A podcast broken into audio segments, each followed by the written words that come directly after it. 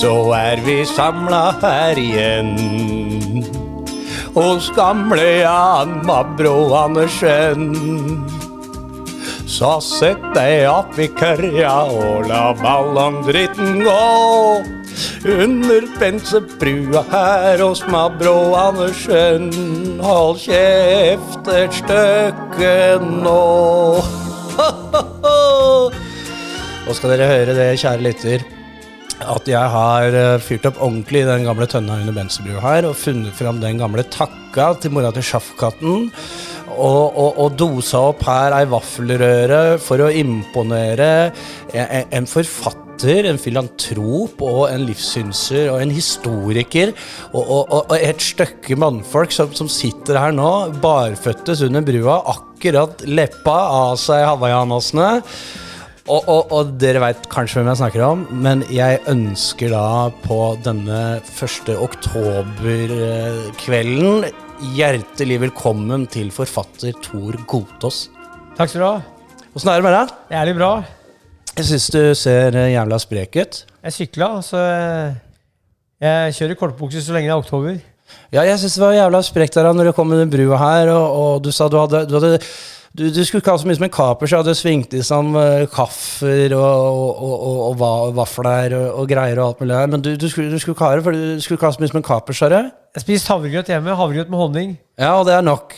For meg så holder det lenge. Ja, det, ja jeg syns det er jævla sprekt av deg. Jeg skulle ønske jeg hadde den uh, mosjoneringa i kroppen. Du er jo du er en slags form for uh, loffer eller løper sjæl også, er det ikke det? Loffer i livet og løper. Jeg er ikke noe god til å løpe, men løper nesten hver morgen om sommeren. Og så går jeg på ski om vinteren. Prøver å ha én dag i uka uten å gå på ski. Ja, du er et råskinn. Jeg har en del å lære av deg, men det, det, er så hyggelig å ha deg her under brua. Og det vi skal dra gjennom i dag som eh, Jeg har jo mitt eget lille ørkensur her under brua.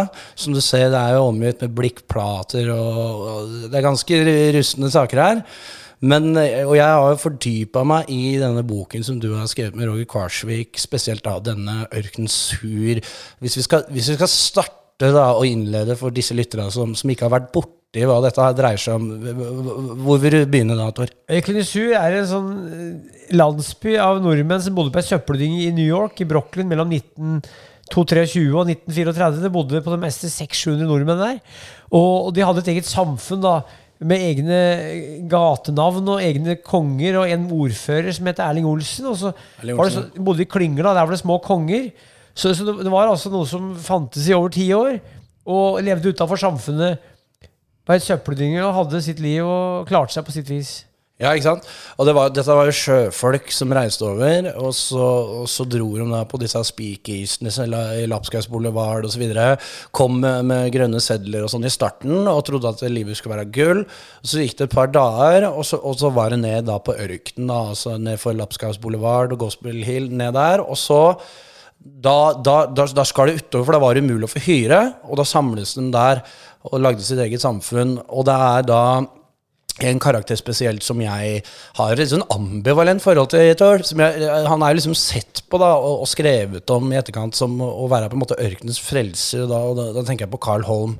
Ja, Han var fra borti Ålgård på Vestlandet. Gjesdal. Rogaland. ja, Gjesdal, ja. Og han, han, han, var jo da predikant. Han kom over som emigrant, og så ble han arbeidsledig.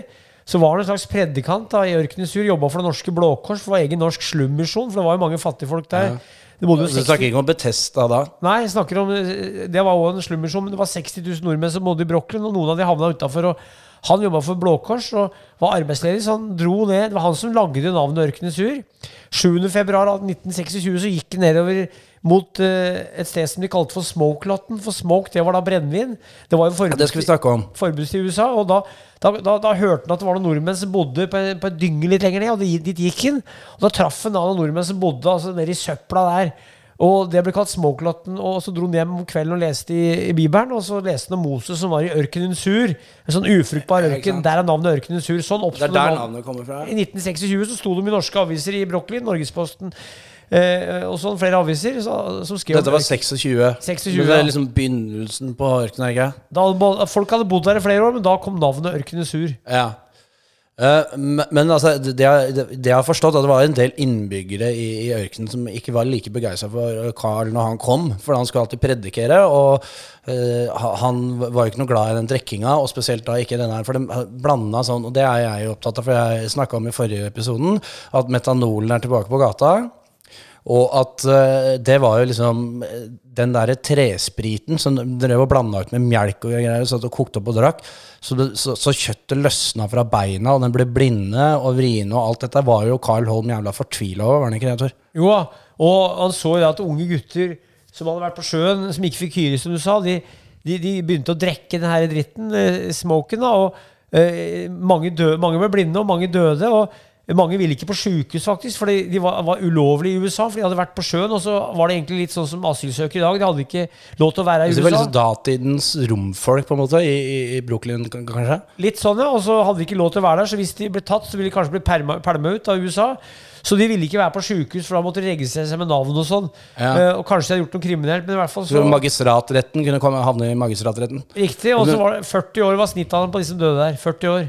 Ja, men de var, de var noen hardbalka eh, karer, disse her. Og jeg har jo levd under brua her et stykke, så veit jo litt om å, å, å sove ute og sånn. Og så er det, det ei karakter som jeg er spesielt opptatt av. Det er greven, da. Ja. Som, som, som dreier på der. Og, og det, det, det beskrives da at han hadde et sånt innebygd alkoholikervett som, som visstnok hadde seg han, han, han drakk innpå denne fæle trespriten, altså smoke, men så hadde han vett nok til å spyre opp igjen, for han visste at dette var ikke bra for han når, når han så alle kameratene lå om kull. Var det Greve var en av de tidligere ørkenbeboerne som hadde litt status i ørkenen? Han bodde der fra, kanskje fra 23, så han, han var en slags liten sånn eh, konge der av navnet Greven. og han drakk som du sa, jævlig mye, men han visste å stoppe. For han så kamerater som drakk seg i hjel, som døde, som frøs i hjel. Men han spydde opp mye, så han, han var med på festinga, men han drakk passe mengder og tålte dette livet her i mange år. For at det, du skal ha ganske sterk eh, helse eller være heldig eller vite hva du gjorde da, for å tåle den her smoken i år etter år. Ja, du skal, du skal være godt herda. Litt sånn som under brua her, eh, sånn som Ja, ja. jeg driver her. Du ser jo se åssen det ser ut her. Ja, ja, det ser hardt ut. Ja, men det er jo ikke Og så var det jo var, er det han som drev og data det, det som da er blitt kjent for å være ørkenens eneste kvinnfolk? Altså, det, var, det var en som het Hans Hansen. Ja, det Var det Hans Hansen som gjorde Hans? Hansen han var fra Flikka ved Flekkefjord. Han var født i 1860 eller 58, så stakk han til sjøs. Da var jeg konfirmant og, og klatra som en apekatt oppi, opp i, masta. Og var rundt Kapp Horn seks ganger. Og der, 10% av de som runda det, de, de sank jo ned. Så han var heldig som overlevde. Kom tilbake til Norge, jobb, bodde på Kampen, gifta seg med ei dame der. Eller fikk unge med ei dame der. Og så stakk han av. sånn at han, han, han, han bare stakk av en dag. Han skulle på butikken og kjøpe noe mjølk og brød. Kom aldri tilbake og dukka opp da i Ørkenens Sur litt senere som den eldste Ørkenens Sur. Han data da Nelly. Hun var fra Irland, ei hore derfra. Utrangert hore fra Irland. Men hun var stolt av det også, å være i ørkenen. Hun, var liksom Hun var ørkendronninga og var stolt av det å være den eneste i ørkenen som, som, som av kvinnfolka. Du, du sa det kanskje kunne være ei, ei til der også, men hun er, una, hun er ikke navngitt. Oslo-kvinnen ble hun kalt, og hun skal også kanskje vært ei hore fra Oslo, som, eller dame fra Oslo, som, som endte opp i Ørkenens Sur. For de hadde sånn De hadde sofa sånn, da. Eh, Nelly hadde sofa, Ørkenens dronning hadde sofa. Så det fins et bilde av hun boka. Hun sitter i, i, i, i sånn, sånn sofa, da, sånn salongen sin i, i Ørkenens Sur. Ja. Og så er det eh, Torleif Johansen, eller Bixen, eh, som også dreiv på der. Husker du han? Bixen. Det er nevnt i dokumentaren som du har laga med Roy Kvarsvik. Den dokumentaren har ikke jeg lagd, så det navnet Nei, men du, du har ikke- sitert der. Ja, jeg har sitert, og de har brukt mye av boka som Bixen har ikke vært borti, for det var en annen kar som de fant etter at boka kom ut. Så vidt jeg Ja. vet. Nei, jeg, bare, jeg henger meg opp i disse karakterene som dreier Ja, ja, ja. på der, vet du. Også, presten men- var det som het. Ja, presten, og så var det ingeniøren og kapteinen. Ja. Så var det ei som het Rattata òg, var det ikke? Ja, det var folk som hadde navn, da, og sånn som han presten, statspresten blant annet, han var jo prest i Norge. Ja. Og så han en- endte på fylla i Norge, så dro han over til Løkensrud for å eller rømme da, unna kjerring og unger. Og ingeniør hadde vært ingeniør i Norge og havna på fylla i Brooklyn, så mange av de hadde havna utafor. Og hadde klengenavn etter hva de var i Norge. Men, men det var et par Hvis vi skal liksom se på det historisk, så var det et par oppgangstider og nedgangstider i ørkenen eh, i disse årstallene hvor det var fryktelig der. Og, det gikk litt oppover, og hvor det ble arbeidsløst, og det ble stolthet, og de fikk bygge ordentlige huser, og det ble til og med litt sånn samfunnshus der, var det ikke også det? Så- Jo det var jo en fæl ulykke der eh, i rundt 1930. snakker du om drikkelaget etter det der roløpet? Mange som Kapp- drakk, drakk Ja. Og så og så var det sånn at eh, da ble det sanert mange hytter, men så, så gikk det bedre, og det kom flere.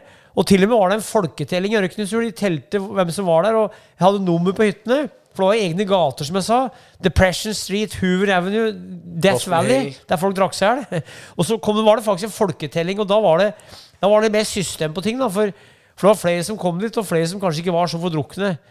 Det var Carl Holm som sto for mye av den folketellinga? Han gjorde det, han var der over 500 ganger, og han skrev dagbok over besøket av Ørkenesfjord, og den dagboka har jeg fått, så jeg, jeg har lest dagboka til Carl Holm. Over 500 besøk var hadde han i og tok masse bilder, annet av de som strøk med der. Så, så vi fikk tilsendt fra USA fikk vi tilsendt jævlig mye bilder. da. Ja, det er fra det barnebarnet som har den utklippsboka hans, blant annet. Som, Riktig, og mye folk som var døve. Så han identifiserte folk, nordmenn som døva i, i norske Brooklyn. For Hvis det var en som ble kjørt der, eller en som drukna seg sjøl eller hoppa ned fra et hus, så, så var det ofte at Carl Holm ble tilkalt for å identifisere lika. han, var, han, var, han var frelseren i, i ørkenen på mange måter. Ja, var det. Men, men eh, hvis vi, vi skal inn på det som, eh, som du også har skrevet en egen bok om, som, som ligger her. Det- Tor kom jo inn her i, i, i shortsen sin og barføttes med et lass med bøker, eh, barmsindig som han er, og, og, og, og legger her. Og da, da er det også skrevet en bok om en av ørkenens helter, da, som, som da heter Magnus Wolff Larsen. Eh, Kan du fortelle litt om hva han dreiv på med? Han var født i 1901, var tater, en familie som reiste rundt til lands og til vanns. Og I 1904, da var han tre år, så så han at faren ble knivdrept i Oslo, nede ved Loelva. Og Da ble han plassert bort på en gard på Gjerdrum, og han ble, ble banka opp der. og Han, eh, han eh, stjal litt, så han ble sendt på sånn guttehjem i Oslo som het Idioten. Så ble plassert da hos en bonde der i Brunlandnes. Han banka opp bonden, banka opp læreren sin, dro, dro til sjøs og boksa mot noen, noen hardinger i Amsterdam og kom til New York. Og begynte å bokse der eh, da rundt 1921. Og ble tungvektsmester borti der. Det, han, eh, han ble tegnet opp av press, eller delvis i hvert fall, var medvirkende som til å dra han opp. Og så var han periodealkoholiker, litt, litt Ja. sånn som uh, Mabron. Ja. Og da lurer jeg på åssen du er i stand, for jeg, jeg er jo ikke i stand til å slå i hjel så mye som ei mus under brua her engang. Og da lurer jeg på åssen var med han Wolf Larsen, åssen han dreiv på når han drev og drakk og boksa, hva åt han, kostholdet var. det? Du snakket om den derre suppa i stad som de drev og åt, som hadde oppskrift på. Muligens du. Muligens du, ja. Det var sånn irsk lapskaus, det åt han, men han, han begynte ikke å drikke før han var over 20 år. Så han drakk ikke noe særlig i oppveksten. Hadde armer tjukke som vedkubber. Og da han kom til eh, New York, så var det en som het Andersen, en sånn sjømannsprest, som trente han opp. Så han bodde på sjømannshjemmet, og så jogga han nedover gata og skyggeboksa, sånn som Rocky gjorde i filmen du. Og, og, og så, og så han, han, da levde han jævla fornuftig og sunt, men senere så begynte han å drikke. Han hadde rødt hår. Eh, og jævlig tjukke armer og var ikke så lang, men jævlig kraftig. Veide 90 kilo, kanskje 1,75. Men han åt, åt mye, mye kraftig kost. da Mye flesk Ja. og eh, mye, mye Så og var muligens du. Betesta var jævlig snille mot dem. De, de dro inn på Betesta, og så fikk han arbeidsstykke, og fikk liksom arbeid var veien der. Betesta-filosofien var jo ofte når du kom inn der. Da var det mange av gutta fra ørkenen som kom inn på Betesta. Eh, Bymisjonen, er ikke det? Jo, jo, Fattigmisjonen i Brooklyn, norske fattigmisjonen. der var det 175 mann som så på gulvet hver kveld. Eh, For der var det sånn gulvpass, men da måtte du først høre på en sånn andakt. Altså Kara satt og hørte på henne og holdt på å Var det. Nordborg? Eh, nei, det- nei, det var en pastor der, men Nordmo var sjømannspresten. Ja, nettopp. Ja, så det, men, men der var også Wulf Larsen, og han kom dit og begynte å arbeide der. For han, han var jo perioderanker, så de dro han opp fra rennesteinen. Så, så kom han der og arba da, som vaktmester. Jobba, hadde jo sikkert i dag hvis folk sagt ADHD, jobba døgnet rundt. Så han, han bodde på Betesta og arba der i perioder. Så var han, han var, han var ei spellemaker òg. Han Ja. dreiv på med litt sånne stunt. og bare Jeg leste det var ei episode hvor han tok og, og, og stjal ei ponni. var Ja, han bar, bar en ponni nedover gata, stjal en ponni og slo hull i vegger og dører. Og han drev mye rart, og, og hadde visstnok en god del damer òg. Ja, hva- han var tror kanskje at han hadde var det? un- unger, altså, han var jævlig, jævlig populær hos damene. For han boksa, og så nekta han å gi seg. Så han var en sånn crowd pleaser. Altså, uansett åssen han boksa, så, så, så ga han seg ikke før han var omtrent død. Så holdt han på å stryke med flere ganger. Men Ja, for det var jo spesielt da, den kampen mot Gene Tunney der. ja, Da, da fikk han juling så det smalt det mener jeg husker jeg. Han gjorde det for Gene Tunney. Han ble senere verdensmester i boksing mot han Jack Dempsey. Ja, Han- ja. Tunney var ekspert på å løpe baklengs. Han løp turer på 10-12 km baklengs nedover gata. Eh, det tror jeg Muhammed Ali drev med senere òg, amerikanske bokseren. Men han, han, han, han, Wulf han, han hadde ikke sånn bokseintelligens, derfor han slo jævlig mye uten å tenke. Så han hadde gjerne mye kraft, men hadde ikke så bokseintelligens som f.eks. Chunny hadde. Nei. Så, men han var, var Ja, legendarisk. han var en proletar eh, sånn sett i tankesett og måten å bokse på. Han, var, han, var ikke noe, han, var ikke noe, han hadde ikke noe teknikk, han var ikke noe danser. Han var ikke sleip, eller, nei, Nei. han var mer en sånn brutal rå urkraft, da, kan vi si. Og så døde han da av 1931. Han, var 30 år var 30, gammel. 30 år, og da skulle det være som norsk boksestevne nede i Brooklyn der, og så skulle han være maskot for det. Eh, men, så, men så hadde han vært og krangla med mafiaen, for det var rivalisering mellom nordmenn og eller italienere i, i Brooklyn.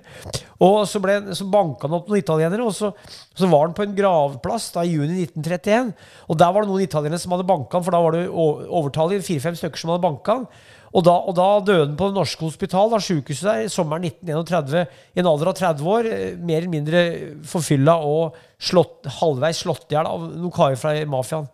Ja, det, det, det, blir så nervøs å tenke på det, at du kan dø av drikkehjel. Eh, Tor. Ja, han, han gjorde kanskje ikke det direkte, men han, Ja, men han, de sier alltid det. At han- han, drakk seg i hjel, sier de. Og så, er det andre dødsårsaker. Jeg prøver å hvile meg litt på det, jeg som bor under brua her og drikker og holder på hele tida. Wulf han slutta å drikke i 1930, og da jobba han på Bethesda. Der drev han med nyttårsaften 1931, så var han ute og feira sammen med kara. Og da havna han utpå, de, de fant han ikke, men så vet vi at han ble fanga opp senere, ute på vinteren her, og da, og da var han ubarbert og hadde sånn flat, flatslått nese. da, Han hadde sånn punch-tryne, han så ut som punch i trynet. Og da vet vi at han, han, han slapp på sone, da, for at det, dommeren syntes så synd på han, og da fortsatte han å trekke og ture, og så, og så endte han opp i bare en alder, en alder av 30 år, altså dessverre. Ja, det var kort karriere. Ja, han Men det svinga så lenge det holdt. ja, det var jævlig. Han boksa, boksa store kamper. Og, eh, og, så, og så var han jo, var jo i Mexico, han var i Canada, han var gullgraver i Australia òg. Rakk mye rart. Og, og var, var på de store leikene og jobba som sjømann der. Oppe, oppi der. Så han var en sånn type som alle norske i Brooklyn visste om. Han var en kjendis ja, i norske Brooklyn. Ja, Helt, ja. Folkehelt. Vi var inne på så vidt dette her eh, drikkelaget var i 31. Ja. Hvor det var den norske rogjengen som drev og rodde utafor der. Og da var det stor oppstandelse i ørkenen, hvor, eh, hvor, hvor Carl Holm kom inn da eh, på ørkenen og så Dette var han bekymra for, for han så hvordan denne feiringa lå an. Ofte litt sånn som Trond Giske kommer under brua når han ser at jeg feirer et eller annet også. Ja, Og bekymra for at her braker det løs. Og den, den natta der, da gikk det ordentlig vrient. Ja, det gjorde det. For da var det jo flere som uh, drakk seg i hjel, og de fikk tak i noe ekstra giftig brennevin. Altså det, all brennevin var er jo giftig, for det er gift, men det var ekstra giftig, så folk ble blinde, og det var seks-sju mann som strøk med.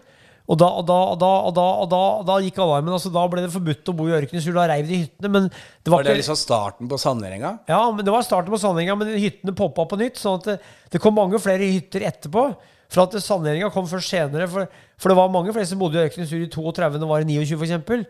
Så det bodde jo 600-700 For det var jo egentlig oppgangstider i ørkenen på var det ikke 30-tallet hvor en begynte liksom å dra seg sammen. Og selv Nordborg uh, sa det. Ja. At jeg kan ikke se annet, sa han, enn at disse uh, menneskene da, som er fortapt her i ørkenen, og viser altså, en slags form for stolthet da, i å klare å stå oppreist og bygge seg små hjem. Og det var jo Hans Nesse som skrev et brev hjem uh, til Norge hvor han skrev det at du ville blitt altså, forskrekka for å se åssen jeg bor her nede. Men, men, men jeg har det greit. Og det var, det var en slags positivisme som gikk da på var det 31, før dette her fatale drikkelaget kom, som ble starten på det som ble liksom eh, ørkenens fall. Ja, men det, det var det ene. Men det andre var at det var enda flere som ble hjemløse i New York. For at eh, da han, eh, han Hoover krakket på børsen, var jo 29, vet du, men det slo ut for, for, for verst i høsten 1930. Ja, det var Black Tuesday og dette her. det Ja, og så var ikke noe, Det var 29, men så var ingen som fikk noe særlig, fikk noe særlig veldedighet. Det var ikke noe trygd å få. Og, og det, var, det var kun for mannfolk. Altså det, var, det var 82 suppekøer i New York. 82 steder som folk fikk supper og mat og brød. Eh, Så det var helt jævlig. Og mottoet var jo 'sink or swim'. Enten så svømte du, eller så sank du. Og det, sa- det ble sagt at det sto en del nordmenn under skyskrapere og venta på arbeid. For hvis det datt ned og slo seg i hjel en kar, så var det én stilling ledig. Så det var, det slo seg hjel- det datt, det datt stadig ned folk altså fra skyskrapere. Ja, For den var egentlig interessert i arbeid. Mange var det. Og det var jo det, Hvis jeg skal dra videre her, så var det ei julaften der hvor de hadde spassert stått opp om morgenen for å finne arbeid da ved, ved Brooklyn Bridge og spassert over videre der til et uh, tegleverk eller noe sånt. For å, der vi, hadde dere hørt at det skulle være noe arbeid, da? Og så kom de hit, og så viste det seg at det var ikke det. da Og så måtte de gå tomsko tilbake, og da var det en julaften i ørkenen der, som Gina Lie også beskriver, at da, da kom Carl Holm og hele banden, og det ordna opp for dem. Og det er liksom et av de koseligste minnestykkene som jeg kan tenke på i ørkenen, som, som fant sted, da, hvor de kom inn der. Og det, det, det var den julaften, var det ikke det? Ja, det var det. Og så vet vi at i tillegg så gikk det båt mellom Norge og Amerika, for da sa folk Amerika eller Amerika. Ja. Eh, og og det, der var det sånn at mat som var til overs da båten kom til USA, ble ofte gitt til gutta i Ørkenes Sur. Så var det ett over gutta da, før jul fikk jævlig mye sånn napoleonskake og risgrynsgrøt, for det hadde de spist på båten. nippelbam, Ja, ja, nippelbamskake. Ja. Og, og, og, da, og, da, og, da, og, da, og da åt gutta det. Så de forspiste seg noe jævlig, da. Ja, for de åt når de kunne, ikke sant? ja. Og så de hadde ikke spist på lenge, og så forspiste de seg på napoleonskake og, og, og, og risgrynsgrøt. og, og det er faktisk en kar som, kar som eh, jeg har prata med, som nå er vel eh, rundt 80 år. Han, han hadde hørt faren sin fortelle om Mørkets Sur, og han, han fortalte om det her. Det her eh, måltid, da, for da gikk folk Det sies at de gikk flere mil for å få risgrynsgrøt og Ja. napoleonskake. Ja, Det, det, var jo det- det eneste han drømte om, var en liten skål med risengrynsgrøt, var det en som skriver der. Og så kom da Carl Holm og disse hvite ridderne inn med dette her. Og det, det var vel en av liksom de hyggeligste feiringene de hadde, kanskje, som ikke, hvor det ikke var så mye drikking og sånn også. Ja, og, og så var det noe som het Larsens Bakery. Det var sånn norsk-amerikansk Ja, det ja. bakekjede seks-sju bakerier som leverte oppi 50 brød i slengen der. På onsdag og søndag så kom de gjerne med brød. Larsens Bakery. Ja, de var også bidragsytende sånn, sammen med Betesta og Blå Kors. Og, og det var jo mange som var interessert i å hjelpe dem med det? Ja, det ble sendt det ble inn, eh, Fra Stavanger ble samla inn sånn hermetikk. Eh, sild og sånn fra altså, Vestlandet. Og sendt mat fra Norge over til USA. Så det gikk faktisk en god del mat fra Norge over til USA. Tørrmat da, til her folka i ørkenen Sur, og penger òg. Ble samla inn penger, så det, var, det hadde aldri skjedd før at eh, nordmenn samla inn mat til nordmenn som bodde i USA. Tror jeg aldri har skjedd før. Nei, det, er, det, er- det er utrolig. Også, men hvis vi skal dra da videre, Tor, fordi du nevnte altså at du hadde, hadde lyst til å snakke litt om uh, Lofre og hobosamfunnet videre, som du har også fordypet deg i etter altså uh, Ørkenens Sur, etter at det ble sanert. For i dag så er det jo er ikke Ikea der, da. Jo, Ikea ligger utafor, så der Ørkenes Sur lå, så er det fotballbane og basseng. Og hvis i hjørnet av Ørkenes Sur, så er det, er det Ikea. Så jeg var der i 2008 første gang, og da, og da, og da, da, da tok Ikea-bussen. Og da var det en svart eh, bussjåfør, som spurte jeg om han hadde hørt om Ørkenes Sur. Det hadde han aldri hørt om. Men det som er der, det ligger igjen en kornsilo, for det ble verdens største kornsilo ble bygd der i 1919. Så gutta i ørkenen, da, som var jævlig sultne, så, satt og så på den kornsiloen. Eh, Så verdens største kornsilo som kjørte korn ned fra de store lekene på kanalen, den lå rett ved. Den ligger der enda. Men Ikea ligger der. Og så er det Du kan ikke se at det, var, det er fotballbane. Så det ble fotballbaner allerede i 37-38. Jeg var, nede, jeg var nede i Hjelken der for et par siden, et par år siden, og jeg fikk kara meg over da på Ikke sånn som hva heter det, når, når du fikk dra hjem fra ørkenen Det var vel han, han, Hans Hansen Nei, det var ikke Hans Hansen, men det var en av dem som sa Og du fikk det som hvetelaps eh, Ernst Olsen. Ernst Olsen, ja. Ja, ja. Stemmer det. Ja. Når vi fikk dra hjem på statens regning med sånn hvetelapp rundt halsen, ikke? Ja, eh, Noen gjorde det, andre dro hjem og måtte betale tilbake senere. Ernst Olsen måtte faktisk gjøre det, betale senere. Så han, han fikk da dra mot at han lovte å betale senere. For det var jo sånn at eh, ryktet reiste med Amerikabåten. Så hvis en nordmann gikk på fylla i Brooklyn, så hørte folk i Norge om det to-tre uker senere. For ryktet reiste gjennom brev og gjennom, gjennom, gjennom, gjennom da folk som kom med båten. Så hvis du gjorde noe gærent her, så hørte mora di om det tre uker senere. Ja, for det var jo det. Det, var, eh, det kom, ryktet kom med båten. Ja, ja, ja. Men også, hvis vi skal dra videre altså det, det, jeg, jeg, er egentlig ikke, jeg blir aldri ferdig med Ørkenens surtor. Jeg er fascinert av det. Og så hvis vi tar disse her gatenavnene, disse forskjellige miljøene. For det var italienere der òg, ja. Det var italienere, ikke så mange. De hadde, en, de, hadde en, de hadde en form for å holde freden på. Den ble aldri Med tanke på hvor mye sånn tresprit da, og hyssinger og all verdens faenskap de dro i seg, disse boysa på Lafskaus Boulevard nede på Småklotten her, så var det lite slåssing og bråker, og de var de, de holdt liksom sammen på et stykke, ikke? De norske de, de slåss og gjorde ikke noe gærent i seg imellom. Så, men det var sånn at det var klynger av folk fra Larvik, fra Fredrikstad, Ja. Østfold, Karmøy, Bergen og Stavanger og sånn. Så Haugesund. ropte det. Haugesund ropte dem, og så Ja. Bergen, og så var det at de visste For de hadde forskjellige Konger, da. Det var litt, en Ja. sånn småsett. Det var en konge, da. Og så var Erling Olsen var borgermester av Ørkenes som regjerte med sunn fornuft og tok knyttnever. Og, og, og så, så, så, var sånn det var. Og, og, det bodde noen folk fra Puerto Rico der òg. Det var familier, men de bodde på en annen del av ørkenen. Det var noen få svensker og finner og dansker, og så noen svarte og noen indianere, men de bodde litt utafor. Nordmennene de, det var lite, lite, lite, lite stjeling og lite sånn kriminelt der blant de norske. Så det oppførte seg egentlig ganske ordentlig. Det var kamerater. Under brua jeg jo lagd noe språk i det. med, altså det er jo Rossenjål, Ja, ja. og Sett deg i køra la ballongen gå, Vinterbrosenteret, Kapers og, og Forregnål, og ikke så mye som eneste en. da. Und Onso weiter, nicht, ikke sin gang, ikke sant? Så du veit hvordan den, den går, da. Og så veit jeg at det var jo språk, eget språk i, i ørkenen der. Ja, det var det. Eh, Og, og måten de liksom snakka og kommuniserte med hverandre. Det var noe som het broklanesisk. Det var det, det språket norske nordmenn i Brooklyn prata. De kunne si skeive, joine og carpenter og flålegger. Det var engelskord og norsk slang. Og så i tillegg var det at det var en blanding av sjømannsspråk. Da, for at eh, på sjøen så var det eget språk. Så de kara som var i ørkenen, prata en blanding av sjømannsspråk og broklanesisk. Så du måtte være ganske måtte følge med. for å Det var, skjønne hva det var de sa. en god lingo på, Ja. på dynga der. Grolingo, bra, eller argot, som heter Gro, gro lingot. Ja, ja, ja. Det var det. Og, og, og de, som, de som hørte på det, og som ikke skjønte den lingoen, de, de skjønte sannsynligvis ikke en dritt. altså. Og pluss at kara hadde klengenavn, da. Både på seg sjøl og på ting Ja. og steder. Vi skjønner, Blåmyra, det var Ja, ja, Atlanterhavet. og så, ja, for det var det. og så fikk du jo disse her Gospel Hill og disse her forskjellige gatenavnene. Ja. Gospel Hill, der, der kom Frelsesarmeen og spilte hver onsdag hver søndag. Og Death Valley, der var det mange som drakk seg i. Og, og Depression Street, der var det folk som var deprimert. Så de hadde sånne gatenavn i Ørkenen Sur. Og, Så var det E- E- Erik Bye senior var innom der Ja, og sang opera. opera. Han var operasanger og kom og sang da hadde konsert i norske Brochlin til inntekt for gutta i Ørkenens Sur. For det- Sur var jo på en måte vorta da i den norske Brochlin. Og til og med Nansen var over 29. Han var nede i Ørkenens Sur da, så hvor jævlig det var der. Og Herman Wilhelm, ja. dikteren, var der og skrev et skuespill, eh, blant annet om Ørkenens Sur, som ble oppført. Og i Norge var det filmer om Ørkenens Sur, så ble, det ble filma. Ja, det ble, det, det ble sendt hjem, den, og den filmen skulle jeg gjerne hatt grep om, for den har jeg sett at, uh, at finnes.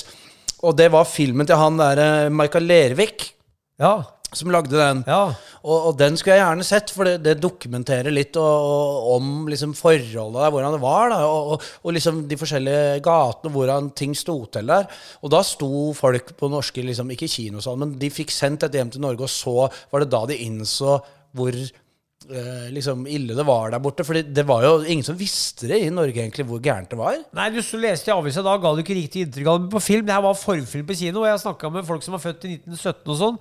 De så da 1915 så det her på film i Norge. Hvis du eksempel var på en film i 1932, da, så kunne du se forfilm fra Ørkenens Sur, hvor du så da noe idyll i New York, og så sto det noe, noe sånn fælt da, som var i Sur. Folk trodde ikke på det, for i USA så var det jo Det var Golden Land. det var, det var det. Og så folk hadde ikke var skamma seg, for de turte ikke å dra hjem. da For De hadde ikke råd til å dra hjem for det første med båt, hadde ikke penger til billett. Og så ville ikke skamme seg, skulle, skulle ikke komme hjem fattig fra USA. Men den løsninga som kom da, altså, som han som ble sendt hjem med den derre mjølelappen rundt halsen på statens regning hva, hva slags ordning? Hvem som liksom var ansvarlig for å eh, iverksette det? Det var noen norske i Brooklyn da, som tok det, men i tillegg så var det sånn at du kunne inngå en avtale med de som hadde bå båten. At hvis du skrev under på at du ville betale tilbake, eller, eller få noen som betalte da du kom hjem, så kunne du bli sendt hjem da. Flere som ble sendt hjem da før krigen. Og jeg har prata med folk som var i Ørkenens For eksempel Ernst Olsen Han var jo fra Kråkerøy, født 1915. Fyrbøter, kommunist, pokerspiller og bokser. Han var der, og han jogga forbi Ørkenens Sur da, i 34, og det var en jævlig harding. altså. Han drev og sparra med en type da i Ørkenens Sur. Eh, Så, så han hadde hørt av, av, av folk at du skulle ikke dra ned i Ørkenens Sur, for der var det farlig. Han var fyrbøter, da. Han sto og Ja. ja. spadde ut køl og fyr eh, hele dagen. Eh, så, så, så han, han, han var Han intervjua faktisk Jeg var hos ham da var han 92 år og prata om ørkenen Sur. altså.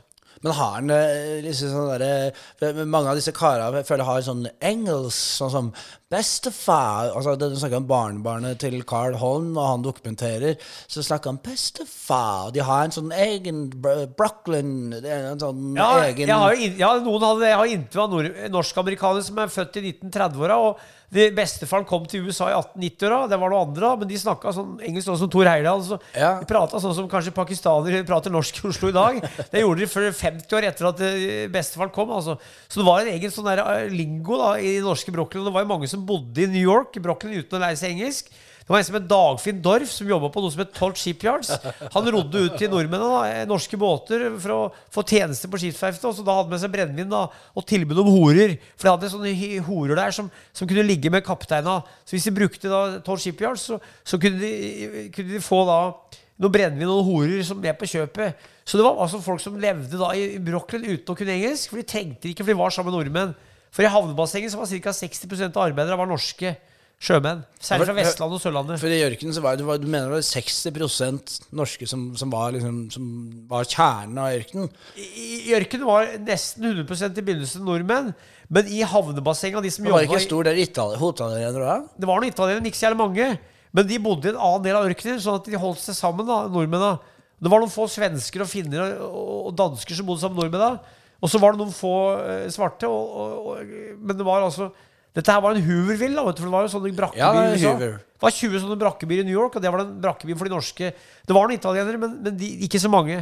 Men hvis du skal liksom påpeke det mest rossignole stedet, da Det mest liksom eh, Bristol kafé, Grand kafé-stedet å bo i ørkenen. Hvor er det, Hvem var det som liksom var den råeste, som hadde den feteste sjappa i ørkenen? Erling Olsen han var jo borgermester av Ja, det er Erling Olsen som liksom var Det går igjen hele tiden at det er han som er eh, Han var borgermester i Haugesund. Han, han, han bygde det første huset der, og han, og fikk kobla seg til vann. da For det var noen sånne vannpumper sånne Ja, Han var den første som stemmer. Han fikk vann og kobla seg på brann... Uh, Riktig. Hydranten. hydranten, ja, ja. ja, så han fikk vann, da. Og det var noen som skulle få seg strøm, da. Så gutta hadde strøm, ble det sagt, over hyttene. Og noen hadde, jo, noen hadde jo sånne blomsterbed, noen hadde gris, og noen hadde tomater og dyrka litt. Så, så det, var, det var litt noe som hadde Jeg har, jeg sånn har ikke gris altså. her, men jeg har noen tomater Eller det er, nå er de visne her, da. Men eh, jeg har noen sitronbusker Ja. oppunder. Hvis du kikker rundt eh, bakskrift der opp, oppunder røysa der. Ja, poteter var det noen som hadde òg. Ja, det har jeg ikke. De har spist opp. Jeg laget en pytt i panne i dag morges. vet du. Men det var mange som rodde inn da, til New York for, for å tigge, da, og så rodde de ut til båta. Det, kom, det var jo 500-600 norske båter i året der. Og da rodde ut til båta, så ble det heist ned sånn potetskrell da, i bøtter. Så fikk de da restmat da, fra, fra båta. Og Det er jo det beste ved potetene. ja, jævlig godt. Så de lagde det som het mulligens stew, som var sånn irsk lapskaus. Ja, det er mulligens du, ja. Jævlig populært da blant de norske gutta. Mulligens stew. Blanda alt de hadde, og gjerne med litt attåt. da. Og så i tillegg så var det mange som drev og Det er den attåten ikke jeg skjønner åssen hun fikk tak i. Hvis de har drevet på, da Disse her pubene var, Du beskriver noen av dem. var en som het eh, Markveien, eller en, en av disse pubene som ligger her, som var populære, som de dro til, da, de norske. I Lapskaus Boulevard, er det ikke det det heter? Ja. Og så er det Jeg fatter ikke det når de da er helt tomme for, for spenn. Åssen klarer de å få tak i alkohol? Åssen er det mulig å drikke seg i hjel? Det var mange som bytta. da, vet du, Hvis én fikk tak i penger, så kjøpte han så andre kara fikk, fikk påspandert til han. Og så bytta de. da, De kunne drive med byttehandel. Det var mange som fikk tak i alkohol uten å, uten hvor, ha Hvor, penger. hvordan typer alkohol og den der trespriten som de blanda med melk, satt dem over bålet der, og røra med melk og holdt på å styre. Jeg, jeg skjønner liksom ikke hvordan hun fikk fatt i alkohol. Det er så vidt jeg får så mye som en dråpe med co- cognat her, Tor. Jeg skjønner ikke hvordan de klarte å få fatt på Det det. var aldri vært så mye alkohol i omløp i USA som under forbudstida. Så da drakk jo folk mer enn noensinne. Det ble sagt at det var 8000 ulovlige barer i Brooklyn. De ble kalt speakeasies. Ja, speakeasies. Det var en kar fra Stavanger som var der, som møtte en politimann. Så spurte han er det noen er det noen speakers her. spurte han fra Stavanger. Der er det kirke, sa han. Resten er speakers. Så det var 32 000 ulovlige barer i New York, 8000 barer i Brooklyn.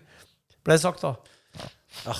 Jeg, jeg, jeg, jeg gruer meg til forbuds, forbudstida kommer igjen, jeg. Ja, Når det slår til, det er jo faen ikke langt unna forbudstid her nå Nei, nei, i. Oslo. Det stenger jo klokka tolv her, Tor. Ja, Det er jo, ja, ja, det er jo det. Er du, er du nervøs for det, eller? Nei, jeg bryr meg ikke om det. Jeg lever som jeg gjør. Jeg skriver bøker. Jeg, vet, så jeg- lever akkurat som før. Jeg. Altså, du er immun siden du skriver bøker? Garantert. Ja, ja.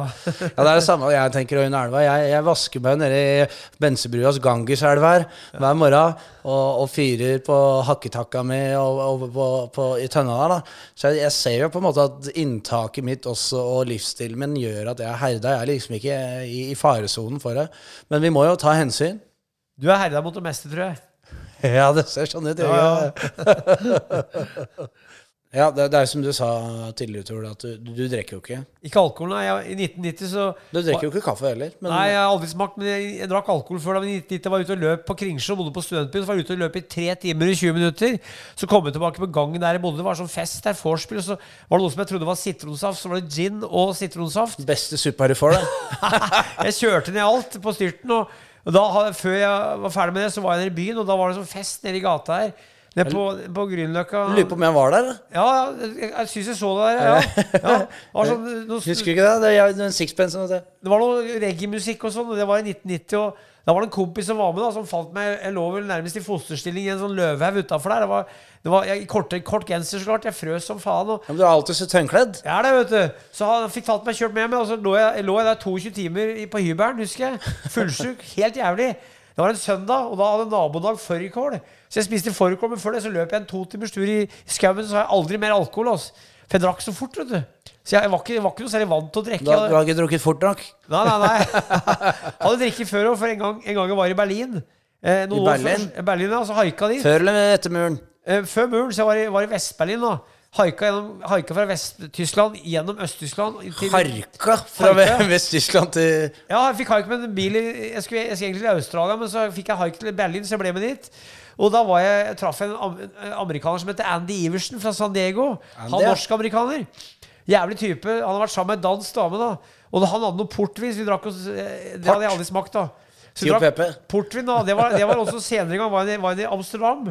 Det var også, Jeg var ute på en haiketur, da. Eh, Så var jeg nede i Fondelpark. Og altså jeg drakk, drakk så fort. Så jeg, jeg har dårlig opplevelse med alkohol. Altså det Ja. at jeg, jeg liker ikke å være full, liker ikke å, ha full, å være fullsjuk. Så det at jeg liker ikke smaken. Altså, jeg Jeg tenker jo, jeg tenker jo noe sånn som jeg har oppi huet mitt. da Ja. Så, så jeg, når jeg pælmer i meg Jeg drikker fort, jeg òg. Ja. Fortere enn jeg burde. Ja. Og når jeg legger meg da og skal sove, så surrer det og kverner oppi huet mitt. For det er jo tusen ideer og, og tanker og greier. Så jeg tenker på, Og det er jo ganske mye som surrer opp i det huet ditt òg.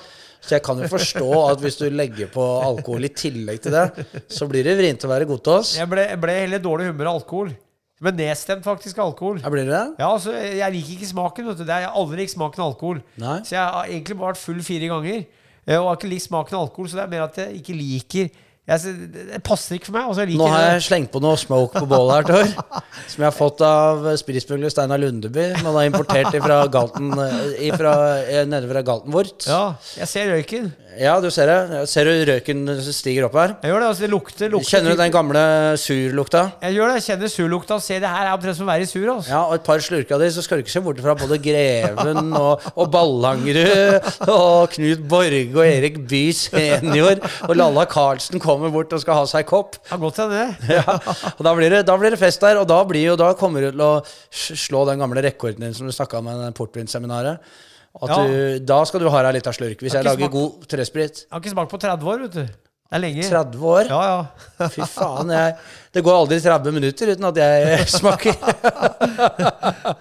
Du hørte George Best hva han sa, fotballspilleren? George Jeg, Best, jeg ja. holdt seg unna alkohol og kvinnfolk. Det var de kjedeligste ti minutter av livet hans. Sånn. ja. Nei, det er bra, Tor. Ja. Tar med sykkellåsen og alt det der på banen, eller åssen er logistikken rundt Jeg, der? sykler aldri på, jeg tar aldri sykkelen på banen. Hvor mange gir er det på den sykkelen din, Tor? 21. 21? Er ikke det litt for mange for deg? Det er, det er, det er 19 for mange. Ja, hadde bare trengt eh, tre strekker, egentlig. Ja, ja, ja. Er det vinter eller sånne piggknaster på er Sånn landeveishjul? det er bare noe dritt, men det er bra nok for meg. Ja, jeg syns det så jævla flott ut når du kom her. da Kjøpt for en tusenlapp. De der hawaiianasene har du gått inn. Ja, jeg fikk tak i Sydney. Har du fått dem i Sodney? I Australia, ja, ja, ja. Jeg fikk noen gode sånne kameltøfler. da Samesko eh, i Melbjørn Ja. jeg var der. Ja. Sammen med Kjell Aukrust. Ja. Har du hørt om det? Ja, ja. Ja, du har hørt om den historien der? ja, ja. Jævlig bra. Men hvis vi går videre, Tor, nå har vi vært gjennom ørkenen et stykke. Og så nevnte du at du hadde litt lyst til å snakke om eh, hobo- og loffemiljøet nå i USA nå i etterkrigstiden, og hva som har skjedd videre, og gjerne fram til nå. Har, det er også noe du har fordypa deg i. Ja, det var jo veldig mange hobos i USA. Det er folk som kjører tog rundt på, i USA. Hobo, H-O-B-O, de arba rundt omkring. Og en del av de som hadde vært i ørkenen, hadde også vært på loffen, altså loffere. da. Eh, Både på tog, og, og når det gikk, så ble det kalt tramp. Altså, eh, det ble sagt at hoboer jobba, tramps de gadd ikke arbeid, de var arbeidsski. Lassaroner var de som var i bya. da. Og så er det beachcomber, som er, som er et annet begrep. Også, ja. Beachcomber er folk som, sjømenn som går i land i f.eks. USA, norske sjømenn, som snylter på norske sjøfolk som kommer i land fra båter. Sånn var det i Rotterdam, Genova, New Orleans, Buenos Aires, San Francisco, Sydney. Det var egen type, da, Beachcombera. Og de hører jo om stadig vekk, for de prøvde å lure for eksempel, La oss si det kom fire ungdommer fra Norge da, som gikk i land i, i New York, og så Så, så traff de en nordmann. 'Bli med her, gutter, skal jeg vise en fin bar.' Og så ble kanskje senka fulle eller robba. Så fikk, fikk da, han beachcaren fikk penger av han bareieren som da lappa de kara. Det står her i, i, i boka di, hvis jeg skal sitere her, så står det Ei boms reisesyklus. På skriverommet i Den norske sjømannskirken i Brooklyn lå omkring 1930 en lapp undertegnet med fullt navn av en svensk boms og overskriften på bommen. Der står det 'Brooklyn tre år, no good'. Står det Buenos Aires åtte måneder. Møkk, står det. Antwerpen ett år, ganske så ålreit. Hamburg fire måneder, veldig ålreit. Og så står det Göteborg tre år, fint. Oslo tre måneder, der var det helt ubarmstanselig, står det. Og så står det Barcelona fem måneder, også møkk. Så han, han loggførte disse her Er det disse folka som eh, loffer ennå, har har du oversikt over disse to? For er det noen som har det, så er det vel deg? Altså, det, det, her var jo såkalt uteseilere. Beachcomberne og de mønstra av skip i utlandet var uteseilere og mønstra på skip. Så da kunne han svensken han kunne sikkert da dra på skip rundt omkring. Uh, og Sånne typer var det mange tusen av i Norge. De hadde gjerne da en ryggsekk og kanskje sixpence-lue og sånn skipssekk. Og gikk, gikk på båter da, og var fyrbøter og matroser og alt som var. Men det fins fortsatt sånne folk. Og jeg traff noe sånn i Australia 1985, for jeg reiste rundt der og haika tvers gjennom Australia. Jeg var 19 år 1985, og da traff jeg noen nordmenn i Sydney. Gamle karer. I Syden, ja. Syden, ja, ja, ja. Nedafor Melbjørn og, og Overfor Melbjørn. Ja, ja. Og, der, og da var jeg ute og løp en morgen nede i den botaniske hagen der. Og da hørte jeg Det er jævla Rossignol, den der hagen. Jeg har vært ja, der, ja. ja. Dritbra. ja og, og da, da, faen. Jeg har sprunget der, Tor. Jeg skulle ikke tro det. Da hørte jeg noen som prata norsk, og det var noen karer fra Vestfold som hadde eh, mønstra under etter krigen. De var da sånn i 70-åra ca. satt og drakk på en pub hver dag. Fire-fem karer som jeg prata med noen dager. Det var uteseilere, altså. Altså, jeg, jeg, er, jeg, må si, jeg er dypt imponert, Tor, av det registeret du har, og hukommelsen din og evnen din du har til å huske alle årsstykker på hvem som dør, og hvem som blir føttes, og år de reiser, og hvordan og åssen de driver og holder på. Det er en sann glede å ha deg her under brua. Sitter du godt der, eller? For du, du, ligger og lener deg under den der uh, sørveggen, som jeg kaller det. Ja. Det blåser godt i tønna. Skal jeg legge på litt, eller? Gjør det, du. Jeg slenger på litt, men de, du skal ikke ha så mye som en kapers, ikke et vaffelstykke skal du ikke smake litt? da? Jeg åt havregrøt i stad. Den sitter fortsatt i magen. vet du. Ja, det gjør det. Ja, nei, og så er det Det er jo et par andre bøker her også som, som ligger, og spesielt da denne Josef Helvete. Ja. Det var en type som bodde Altså, jeg, jeg skrev en bok som het På loffen. Ja. Så hadde jeg et foredrag i 2015 oppe på Dokka om det, eller på østsiden i Dokka. Så kom det en kar opp til meg etterpå og sa da det var noen slike typer her og sånn. Eh, hvem da? En de kalte Josef Helvete, sa han. Det var en kar som ingen visste hva het i etternavn. Visste bare at han het Josef Helvete.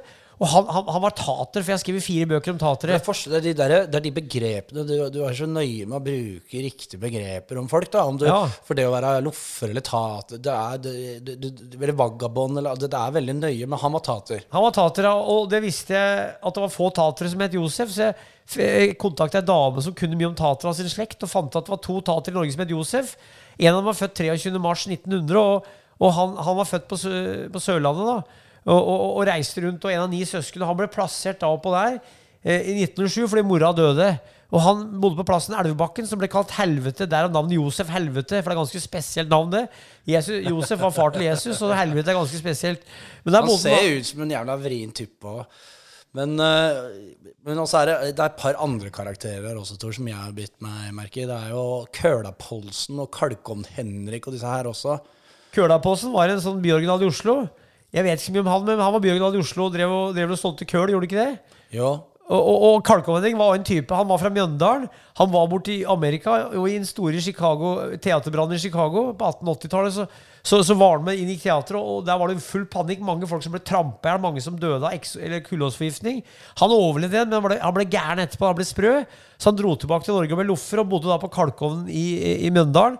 Og levde på lapskaus. Han fikk da lapskaus som helte opp i dressjakkelomma.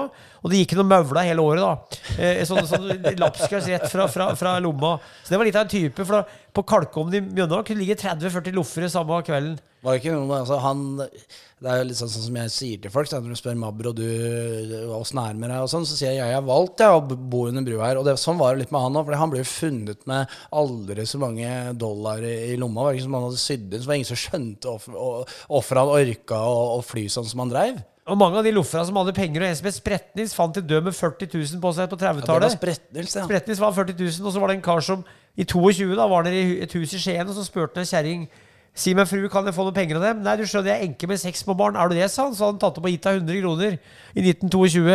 Så Spretnis hadde 40 000. Jeg vet ikke om han Kalkonen-Henning hadde så mye, men det var karer som valgte å leve sånn. Og de valgte å leve eh, på et kalkverk eller et tegleverk, da. Ja, nå snakker vi om den norske loffera, Ja. og det var, det var ei faen som du også snakka om før, som, som bare eh, dro til, til hus med varme farver. Ja, det var han eh, Anders Melum, det. Ja, Som- den eh, vandrende redaktør. Født i 1848, 15. august, oppe i Børsa i Sk- skauen. Og han besøkte bare hus med varm farge. farge og jeg snakka med ei kjerring som bodde i Mjøndalen, som bodde i et hus som ikke hadde varm farge. Så de her måtte henge ut, henge ut maten på skigarden. Men i, i perioder levde den bare på stikkisbærvin og krumkaker. Ganske spesielt kosthold. Og så drakk han jævlig mye kaffe og røkte som en svamp. Det var Anders Melum. Han var ikke loffer, men han, han var en vagabond eller loffer. Altså han gikk på loffen og skrev da samtidig. Men er det en vandrende redaktør? Ja, riktig. Jeg skrev egen bok om han òg. Ja, ja. ja det er for den har jeg også glodd litt i. Men jeg blir jo svimmel, litt, fordi du, du skriver jo om så mye rart. Det er jo et univers å fordype seg i. Jeg må si til dere løttere som, som sitter og hører på dette her, så er bøkene til Thor er til salgs ute i butikk. Gå og kjøp dem og les dem, for det er, det er et univers å, å, å, å, fordype seg i. Mulf Larsen har jeg faktisk, har jeg faktisk liggende hjemme. Den er ikke i butikk ennå. Altså. Den er Nei. trykt opp privat. Så den har Men nå har jeg hjemme. en her, da, Tor. Kjemme, kje, ja, her, ja. Så den skal jeg kose meg under brua nå. Nå skal jeg kose meg med den. Den er ikke så tjukk, for jeg skrev jo mange tjukke bøker, men den er ikke så, den er ikke så, den er ikke så tjukk. Så den er mye, mye bilder og mye, mye artig omslag. Så ser du hvor grove armer som vedkubber. Altså. Ja, Men også har jo jeg, jeg har ringt og masa på deg en del Ja. og, om nettene og alt. Og, og, så ring, meg, ring meg på morgenkvisten og sånn. da Og så, Jeg har jo masa på deg om å, om å skrive en bok som jeg er veldig interessert i at du skal skrive. Det er om Joakim Nilsen, altså Jokke og Valentinerne. Og det, det legger jeg litt press på deg på. Og, og da er det den informasjonsdelen der. da Så- vi må få til en avtale med Kristoffer Nilsen om å få tilstrekkelig med informasjon om å kunne skrive en ordentlig biografi om den. For det fins ikke noe god litteratur der. Er det noe vi kan håpe på? Tor? Jeg lover aldri noe sånt, men jeg har jo så jævlig mye annet. Nå driver jeg med Det kommer tre bøker i år, da. Ås- Åssen starter du dagen din når, du, når du setter deg ved desken? Hvor- Åssen foregår det da? Fordi Da starter du med havregrøt. Ja, hvis jeg, hvis, jeg, hvis, jeg, hvis jeg løper sånn som i dag, da, så løper jeg først, så spiser jeg kanskje havregrøt etterpå. Men hvis jeg begynner å skrive uten å løpe, så ofte gjør jeg det òg, så begynner jeg bare å Så har jeg bestemt meg kvelden før hva jeg skal gjøre, så bare setter jeg meg om morgenen og begynner jeg å skrive. Så holder jeg på en tre timer cirka, jævlig konsentrert, så tar jeg utskrift, og så ser jeg på det, og så, sånn går dagen. Men researchen er gjort på forhånd, da. Ja, så ringer de mye rundt. Sånn som du, du sier at du pleier å si at du, du ringer til folk før de dør. Er Ja, jeg si? prater med folk før de dør. For, at, for etter at folk er døde, så er Da det får for du seint- ikke vite en møkk. Nei, nei, Ikke så mye som en eneste kapers. for seint å intervjue folk når de er døde. Ja, det er det. Ja, ja. Ja, og du skriver, skriver godt. Åssen er vi på tiden her nå? Vi har jo produsenten vår eminente produsent Tord. Eh, som har blitt, eh, kommet seg godt gjennom Han var lå på Rikshospitalet vet du, i Ja. operasjon for brokk. Oi. Så det ble vellykka. Så nå sitter han her eh, under brua igjen og styrer teknikken. Det er ikke, han styrer godt, Tor. ikke? Helt konge. Ja. Han kanskje har lyst på en vaffel, selv om ikke du har det. Ja, ta min. Ta fire til åtte Ja, ja. til alle. Ja. Nei, men jeg syns det, det er strålende å ha deg her, Tor. Eh, og så har jo du Jeg vet at den siste boka du har gitt ut nå, om eh, disse løpebrødra ja. Arne Knut Kvalheim, ja. ja, Det skal være eh, nå, eller datidas uh, brødrene Ingebrigtsen. De var gode på 60- og 70-tallet. Arne Kvalheim og Knut Kvalheim fra Grorud løp for Tjalve, født i 45 og 1950. Eh, 75 år. De, de, de, de var jævlig gode på 60- og 70-tallet. Så jeg lagde en bok om de karene der. Kom ut forrige uke. Eh. Det var Oslo-kar, da. Det er Oslo-stoff, og det er jo internasjonalt løpestoff. Og de, de er humorister og friskuser, så det er veldig artig å lage en sånn bok. Og det er òg en historie om Norge i etterkrigstida. Ja, og så er jeg opptatt av Jeg merker at eh, du er jo en estetiker, du også, Tor. Når jeg ser når du beskriver i bøkene dine, spesielt folk som hopper, eller om de går på ski, eller om de løper, så, så er hun fascinert. Jeg merker at du er glad i de som, som har en, en litt sånn eh, fin stil på springinga eller hoppinga. De som liksom Han hoppa så pent, eller han løp så flott, eller Det var liksom Det, det fins noen sånne gærninger som springer som faen, det ser ut som et helvete. Så er det noen som springer litt mer elegant, da. Ja, jeg skjønner hva han mener. Og, og langrenn og løping Det er jo mange som går pent på ski og løper pent. Så Jakob Ingebrigtsen er sånn som løper sånn som jævlig pent. da Jeg Ja, og så er det han eldstebroren løper ikke noe det, Han halter fryktelig rundt, og det ser vrient ut, men det går, går unna likevel. Ja, noe? jeg sier ikke det. Jeg syns alle, Ja, alle, alle løper fint. det. Eh, Så, så, og Philip er veldig elegant, og Jakob er elegant på sin måte. Henrik er jævlig effektiv. Så, men, jeg, men jeg er opptatt av langrenn, og jeg skrev en bok om skihopping, så det er mye fint å se på i idretten. Og jeg prøver å, som du sier, å være estetiker. Altså jeg, jeg beskriver det jeg ser, og så, og så ja, det jeg gjør, da, så jeg, jeg finner, leter, og så finner jeg, og så beskriver jeg det, og så kommer det i bøker. Så har du skrevet om utedoer òg. Ja, Norske utedoer kom i fjor. Ja, Norgeshistorie sett igjen med Har du vært og se inspisert utedoen min? Eller? Ja, okay, nei. Nei, jeg skal vise deg etterpå. Den er, eh, den er laga i mahogni, vet du. Så, Ja. og så er det sånne varme sånn isopor oppå der, sånn eh, lag. Og, så, Ja. og så pleier jeg å spe på litt bechamelsaus oppå der da, før Ja. du går etter deg. Så der kan du gå etterpå før du taper deg flipperne. Du skal videre etterpå, eller? Jeg skal videre og prate med noen folk borti her. Du kan få boka, for det, det er jo, den, er så, den, er så, den er så solid at den kan ligge på en dass, men papir er så tjukt at du kan ikke tørke deg det, det. Nei, du har skrevet om mye, Tor, og, og det er så hyggelig å ha deg her. Tilbake litt til ørkenen sur, hvis vi skal runde av eh, det med ørken. Av, alle karakterene da, og disse folka som bodde i ørkenen, hvem er det du er mest glad i? Jeg liker jo Hans Hansen. Som jeg sa, han ble jo 76 år, født i 1857. Og Var han som ikke ville på gamlehjem? jeg nekta å dra på gamlehjem. Og det var sånn at eh, han bodde da i Ørkenens så hadde han liggende et ganske stort lager av brød. Han hadde fått tak i noe brød på et bakeri. Og så, og så ble alt brød spist opp av noen rotter, så ble han så forbanna at han alverte seg med, med ca. 20 katter. Han bodde sammen med 20 katter på det meste. Ja, for det, det, Han brukte dem som dyne, ikke det? Ja, ja, ja. Om natta, hvis de lå varme han. Lå varme ja.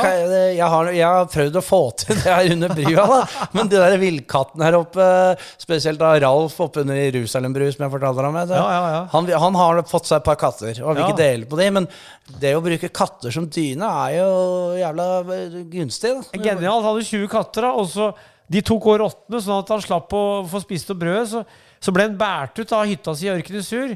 For de skulle flytte han på gamlehjem, og det nekta han, så han ble båret ut under høylytte protester. da. Og så det var 3-34 i Ørkenesur, og så førte han rettssaken neste dag.